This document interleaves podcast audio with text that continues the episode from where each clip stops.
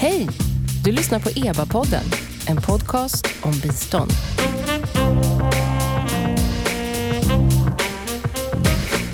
Välkomna till EBA-podden. Jag heter Noomi Östlund och den här podcasten ges som vanligt ut av Expertgruppen för biståndsanalys, EBA. Det är en statlig kommitté som utvärderar och analyserar Sveriges internationella bistånd. I dagens avsnitt ska vi prata om mens och hur mens bidrar till fattigdom. EBA har nämligen för en tid sedan låtit ta fram en kartläggning av om och hur frågan om mens är en del av det svenska biståndet. Mens, kanske några av er lyssnare tänker nu. Varför är det en fråga för biståndet? Det enkla svaret är förstås att det är en fråga som berör i princip halva jordens befolkning och som även i Sverige är både tabubelagt och stigmatiserat. Så idag ska vi prata om hur något naturligt, mens, blir en faktor om du är fattig och vad som görs i biståndet. Med mig idag i studion har jag två gäster som kan de här frågorna. Elin Bergenlöv, du är rapportförfattare till den här kartläggningen. Välkommen! Tack, tack! Och vid din sida, Emelie Weiderud, policyrådgivare för SRHR vid ACT Svenska kyrkan. Välkommen! Tack! SRHR, alltså ni som har lyssnat på podden förut vet ju vad det är, eh, men vad är det vi pratar om? SRHR är ett eh, paraplybegrepp kan man säga om olika frågor. Eh, och det står för sexuell och reproduktiv hälsa och rättigheter. Just det. Och där mens då bland annat ingår på olika sätt. Just det. Och det här är någonting som kanske också, nu river vi av alla de här mm. som folk frågar, funderar, funderar över, kanske, eller inte. Eh, är det här en fråga som kyrkan jobbar mycket med? Ja, ja. Det, det, det stämmer. Alltså det är en fråga som, som, eh, som finns i en del eh, olika arbeten som Akt Svenska kyrkan och Akt Svenska kyrkans partner arbetar i. Eh, I det humanitära arbetet så finns det med som en faktor och ett arbete. Till exempel att, men nu i Ukraina så, eh, så är en, en, en jämställdhetsinsats att ge ut det som kallas för Dignity Kits och där ja. mensskydd ingår, ja. för att det är ett behov som man behöver om man är på flykt. Och, och jag kanske är super narrow-minded och har en bild av kyrkan från 50-talet. Liksom. Men är det, är det så att kanske några lyssnare med mig är lika, lika gammelmodiga i sin syn på kyrkan? Är det, att, att, att det, det, här är en kyrkofråga? Är det, mm. det är helt naturligt? Ja, ja. alltså det, um, alltså vi jobbar ju med att vi, att ACT Svenska kyrkan är ett, ett, ett kyrkor och trosbaserade aktörer ja. kan man säga, brett, liksom religionen i många olika saker, eh, jobbar med sexualpolitiska frågor eller SRHR-frågor. Det är ju inte alltid så att det uttalas så specifikt Nej. eller konkret. Eh, och Därav min okunskap kanske. Din, men, men det är inte, och det är väl liksom också del av, eh, just för att religionen eh, tillsammans med kulturen och andra faktorer påverkar väldigt mycket i relation till jämställdhetsfrågor och jämlikhetsfrågor, så är SRHR en väldigt viktig fråga att jobba med, med en religiös analys och en religiös kontext. Och mensfrågan är absolut del, och faktiskt en av de frågorna som partner i många delar av världen lyfter själva som en faktor. Det här är ett behov vi har, det här är liksom ett behov hos dem på marken. Eh, vilket inte alltid är samma sak med, an med andra SRHR-frågor, till exempel sexualupplysning mm. eller säkra aborter. Och sånt där. Det. Utan det här är liksom lite av en fråga som kanske fler tar i sin mun och kan prata om. Just Bra, och det här ska vi prata om idag också. Ja, alltså bara om vi börjar med the basics. Alltså ungefär en fjärdedel av jordens befolkning har mens och hälften, om man säger, liksom, ser man på alla som kom, kommer ha det eller har haft det så pratar vi om, om hälften av, av jordens befolkning.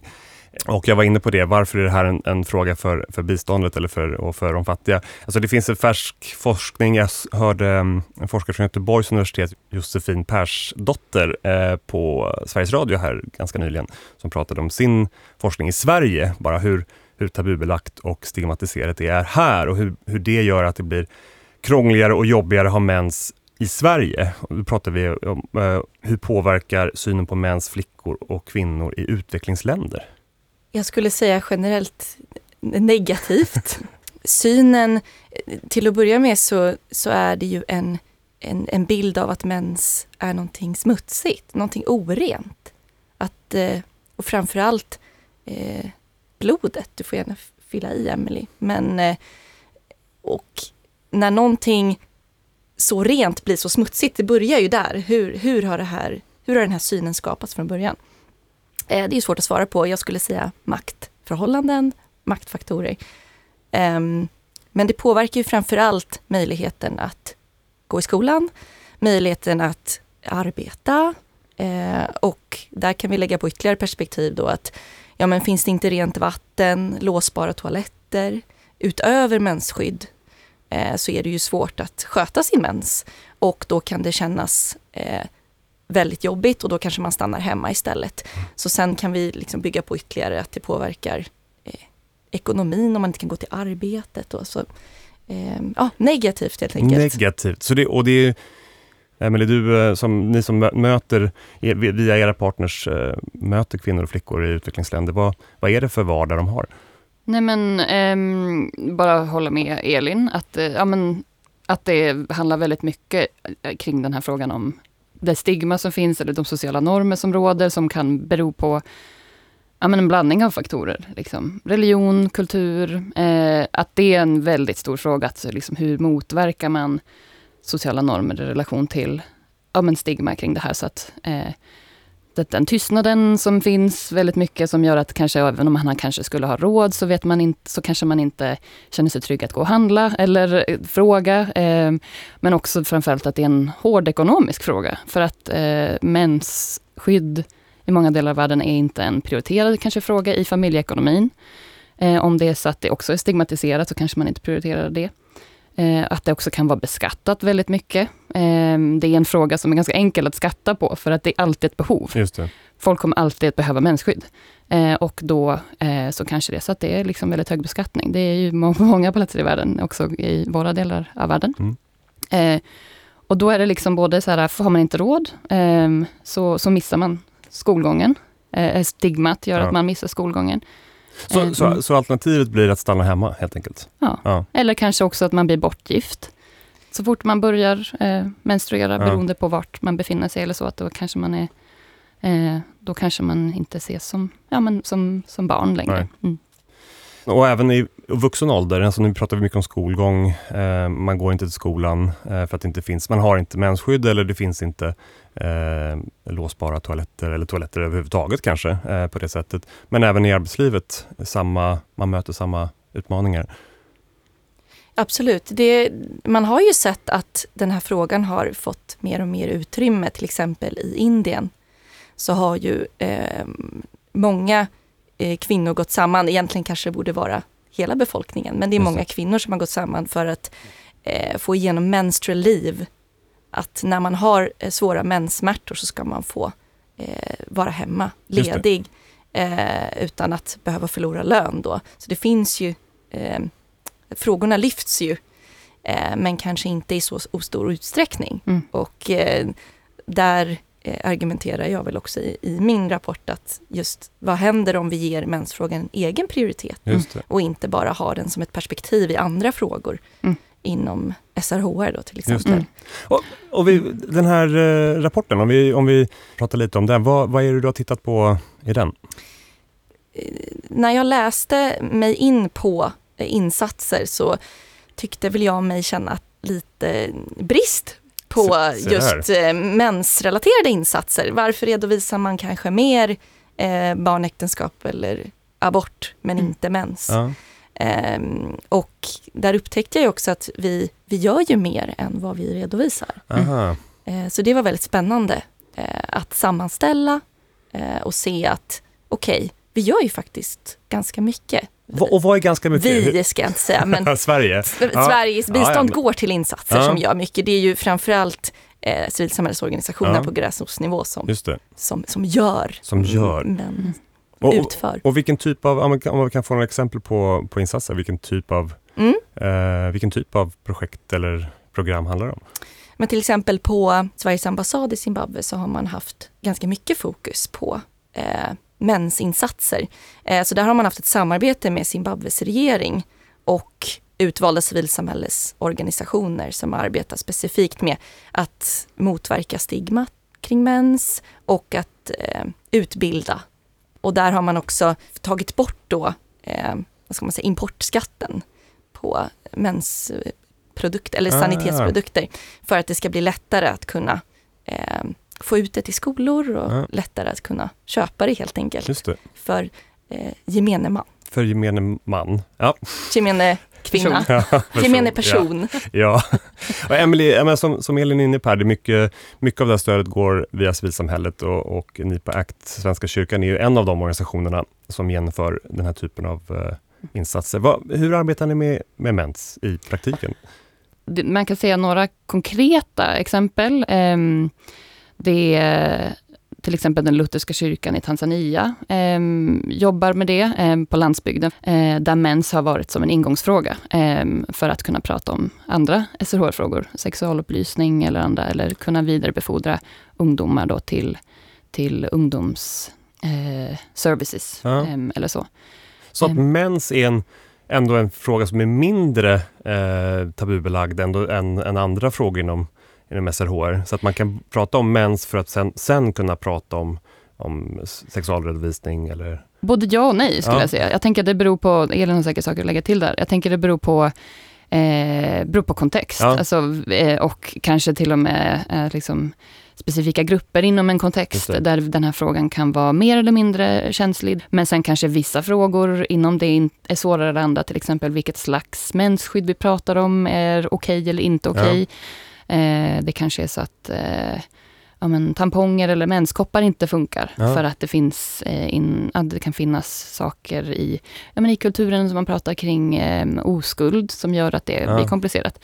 Um, så att det, det är både ja och nej.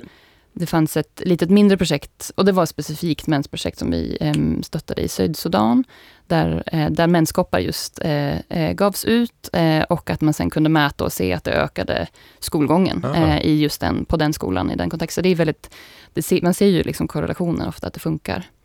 Just det. Och om vi tillbaka till dig Elin, i din kartläggning, nu pratar vi mycket om, eller börjar med några exempel från Afrika. Är det, är det framförallt i Afrika eh, svenskt bistånd jobbar med det här, eller vad, vad såg man där? Fanns det några mönster där det här var särskilt prioriterat? Eh, det är framförallt i Östafrika ja. skulle jag säga. Eh, man kan se att det, det, det, är mer etablerat, alltså insatserna, det. det. redovisas mer. Mm. Eh, så det finns en organisation som heter Mamma Cash. Mm. De är jättebra. Som eh, har utvecklat en body portfolio en eh, body portfolio. portfolio Aha, eh, ja, där de, de har ett ganska brett fokus. Men det som, när jag, när jag träffade då, hade möte med dem, eh, digitalt möte, så eh, beskrev de att ja, men vårt största fokus är stigmat. Ja. Mm. Och sen kan ju stigmat vara eh, mm. abort, det kan vara mens, det. det. kan vara olika saker. Ja. Eh, sexuell läggning. Mm. Men eh, framförallt mensinsatser då, så har man försökt att arbeta specifikt med stigmat kring mens och det är väl lite mer utmanande ja. mm. än till exempel projekt där man vill öka entreprenörskap genom att skapa eget företag och, och, och göra mensprodukter eller där man vill utbilda så är ju just arbetet med stigma ganska speciellt. Ja, för man, man ska förändra normerna. Ja, kring. det är ju inte det lättaste. Mm.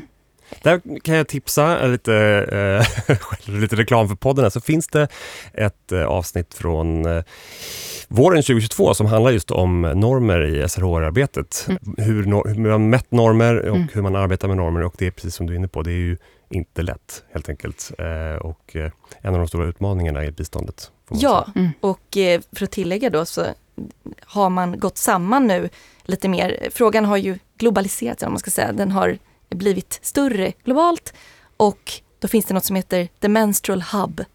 The Menstrual Hub? Och det är ett väldigt stort nätverk där över 850 aktörer och forskare har registrerat sig.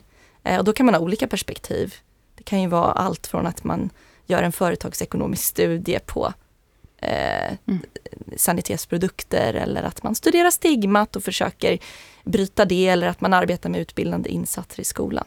Så eh, de här större nätverken, mm. globala nätverken, de, ja, jag tror att det är en väldigt bra väg att gå. Så det är ganska spännande. Just det. Så det sker väldigt mycket också utan, ja, utanför det svenska biståndet. Om, om jag får återknyta Emelie, du, mm. du nämnde en sak här tidigare i, i när vi pratade om, om liksom e- exempel på insatser. Du nämnde ett, att eh, det kan vara del av både utvecklingsbistånd och liksom mm. utvecklingsinsatser och nu har vi gett mycket exempel på att man mm. jobbar med normer och man, man jobbar med förändring. Men du sa också att, att det kan vara en del av humanitära insatser. Mm. Eh, vad, hur, hur, kan det, den typen av insatser se ut? Där brukar ju ofta um, mensfrågan, kan man säga, eller frågorna relaterade till mens, hamna under det som kallas för WASH, som är liksom vatten och sanitetsfrågor. Mm. Eh, för det går inte att prata om den här frågan utan att prata om toaletter och vatten. Just det. Eh, det går inte att prata produkter utan att man pratar, eller liksom återanvändande produkter utan att prata om vatten. Eh, så där är ju liksom en del där det oftast kan integreras. Eh, eh, WaterAid är en organisation som gör det exemplariskt och lyfter den frågan exemplariskt. Um, och sen utbildning. Det finns ju olika delar av ett humarbete, olika spår ja. som man jobbar i och där är ju utbildningsarbetet en jätteviktig insats också i relation till det här. Men sen finns det också andra aspekter. Det är liksom, alltså, mensfrågan går inte heller att eh, liksom isoleras i bara Nej. ett i ett, att det bara handlar om en vatten och sanitetsfråga, eller bara en stigmatiseringsfråga. Eller, det är precis som många andra eh, delar. Men jag skulle vilja lägga till lite grejer också kring stigma och religionen, om, mm. jag, om jag får det. För jag tänker att det, det tycker jag var väldigt fint i din rapport, Elin, som lyfter eh, vilken makt eh, som kulturella eller religiösa ledare har i en kontext. Vil, vilken skillnad skulle det göra om de män i ledarposition lyfter män som en prioriterad fråga? Och också liksom vilken, vilken vilken ihopblandning har religiösa normer kring femininitet eller eh, så kring, kring män, så hur det blandas ihop. Eller att man inte, att det är en religiös eh, religions och övertygelsefrihetsfråga. Att kvinnor eller flickor kanske inte ens får tillgång till att gå till religiösa platser för att det finns en, en tanke om att man är oren. Just, just om, så att det, det finns också men exempel pratade med en, en partnerkollega i Kenya som just lyfte det här med att ja, men det finns jättemånga religiösa det är jätteviktigt att se över den religiösa sektorn i relation till de här frågorna. Både för att det finns massa saker som faktiskt sker som är jättebra.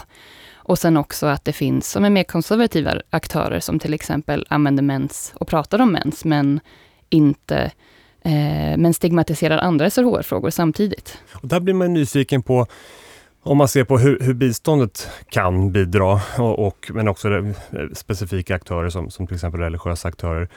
Eh, jag, jag tror att, eh, att vi behöver ja, men mensifiera biståndet. Va, va, vad skulle det betyda, mensifiera biståndet? Jag skulle säga att det, det, skulle betyda att, jag pratade ju tidigare om att män skulle ha sin egen prioritet. Just mm. Men samtidigt, som Emelie var inne på, det är ju också någonting som går in i andra frågor. Mm. Mm. Eh, och hade man då haft med mens som perspektiv i, eh, ja men i alla fall kartlagt eh, utifrån vilka enheter eller vilka frågor, var kan vi ta med det här som ett perspektiv? Eh, och vad kan det göra för skillnad? Då tror jag att det hade bidragit ganska mycket. Och vad, jag tänker så om man, nu har vi två experter här. Vad, vad, om man skulle tänka sig, vad, hur skulle biståndet kunna utvecklas? Vad, har, ni några, har ni några tankar eller har ni några inspirerande exempel på vart, vart man skulle kunna röra sig? Men jag tänker, bara för att liksom, hålla med det Elin säger, jag tänker att både så här, mycket handlar om hur vi, hur vi, också, hur vi mäter och eh, kategoriserar det som vi gör och vart mens kan hamna eller ramla. Och just det här att ja, men det är enklare att eh, mäta antal menskoppar man ger ut mm. än normer över lång tid. Och det vet vi också om och det är det som EBA gör så bra nu, att lyfta normer och det komplexa i det, hur vi jobbar med det på ett bättre sätt. Så det tror jag liksom är superviktigt. Men eh, jag tänker också väldigt mycket så här, både ja, men riskerna med att det blir integrerat och det viktiga med att det integreras är ju liksom, eh, som alla andra SRHR-frågor också, men kanske där absolut, jag tycker det är jätteviktigt att mens får sin specifika eh, plats och se så här, men hur ser den frågan ut eh, i relation till eh, liksom, eh, glöms den bort eh, eller liksom eller inte, för att det också har liksom fått lite av ett uppsving ändå, frågan. Det är liksom mensaktivismen, i alla fall vår del av världen, eh, har ju liksom lyfts upp. Men har det, vad har det fått för effekt? Vad har det, hur har det faktiskt ändå kommit in i, i, i eh, fattigdomsbekämpningsarbetet? Men jag tänker att det är liksom vilka sektorer som kanske integrerar frågan eller inte. Eh, det hamnar ofta, och det ska fortsätta vara, inom hälsosektorn. Den sektor, eller jämställdhetssektorn där jag befinner mig, det är superviktigt och ännu mer, tänker jag. Den definitionen som vi också eh, jobbar utifrån inom SRHR, har inte mens med, Guttmacher-Lancet-definitionen. Mm. Eh, så det är så här, till och med inom mitt område så glöms mens bort, där den har en central plats. Eh, så jag tänker, det, det är liksom så här, de vi kanske har egna skygglappar på oss där. Men just för att gå tillbaka till så här, vilka frågor eh, integreras det här i, inom? Eh, och så här, ja, men, som vi var inne på innan, liksom, hur blir det här en arbetsrättsfråga? Eh, hur ser det ut för, vi, vi pratar väldigt mycket om ungdomar i relation till det här och det ska vi. Eh, vilken social, vilket sociala trygghetssystem tar mens i beaktning? Till exempel om man pratar om cash transfers och social trygghet. Får unga eh, flickor eller andra som menstruerar tillgång till det? Får de liksom egna medel för att, löst, för att kunna liksom skapa sig sin tillgång? Men så avslutningsvis, det vi hör här är, är det finns en möjlighet att mensifiera biståndet. Eh, det finns en möjlighet att, att utveckla genom att, att eh, integrera det i fler perspektiv. Att eh, också tänka, inte, inte bara inom citationstecken, eh, hälsa, sanitet, utan också ekonomisk utveckling, utbildning. Så det finns mycket att göra. Säkerhet. Säkerhet. Ja. Klimat. Klimat. Klimat. Nej, det går att dra det på alla Ja. perspektiv skulle jag säga. Det Eller går, att- det går att dra det på alla perspektiv. Ni hör, kära lyssnare, här finns det att göra. Och med det eh, så passar jag på att tacka eh, Elin Bergenlöv, rapportförfattare till EBAs kartläggning av mens i det svenska biståndet. Tack så mycket. Tack. Och tack Emelie Weiderud, policyrådgivare vid ACT Svenska kyrkan. Och eh, du som har lyssnat blir säkert nyfiken på den här kartläggningen och den finns såklart att läsa på eba.se. För att vara en EBA-produkt har den en titel som är ovanligt eh, rakt på sak, nämligen Mapping of Swedish Aid Addressing Menstruation. Och på vår webbplats eba.se så finns såklart eh, alla våra andra rapporter, poddar och seminarier. Jag heter Noomi Östlund och tack för att ni har lyssnat på EBA-podden.